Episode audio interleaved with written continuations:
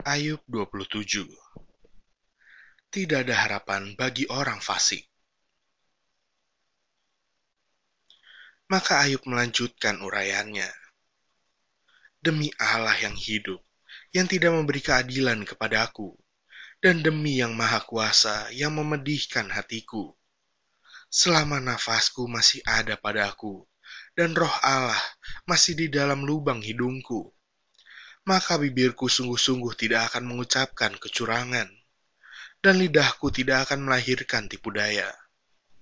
Aku sama sekali tidak membenarkan kamu.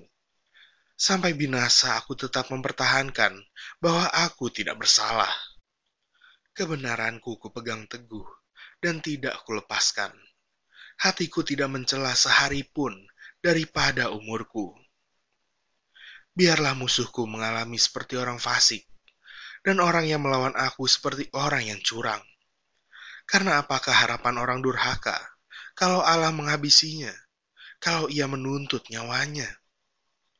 Apakah Allah akan mendengar teriaknya jika kesesakan menimpa dia? Dapatkah ia bersenang-senang karena yang maha kuasa dan berseru kepada Allah setiap waktu? Aku akan mengajari kamu tentang tangan Allah apa yang dimaksudkan oleh Yang Maha Kuasa tidak akan kusembunyikan. Sesungguhnya, kamu sekalian telah melihatnya sendiri. Mengapa kamu berpikir yang tidak-tidak? Inilah bagian orang fasik yang ditentukan Allah, dan milik pusaka orang-orang lalim yang mereka terima dari Yang Maha Kuasa.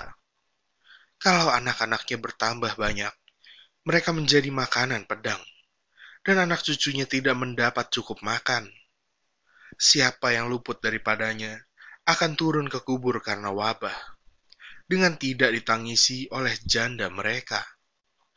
Jikalau ia menimbun uang seperti debu banyaknya, dan menumpuk pakaian seperti tanah liat, sekalipun ia yang menumpuknya, namun orang benar yang akan memakainya, dan orang yang tidak bersalah yang akan membagi-bagi uang itu.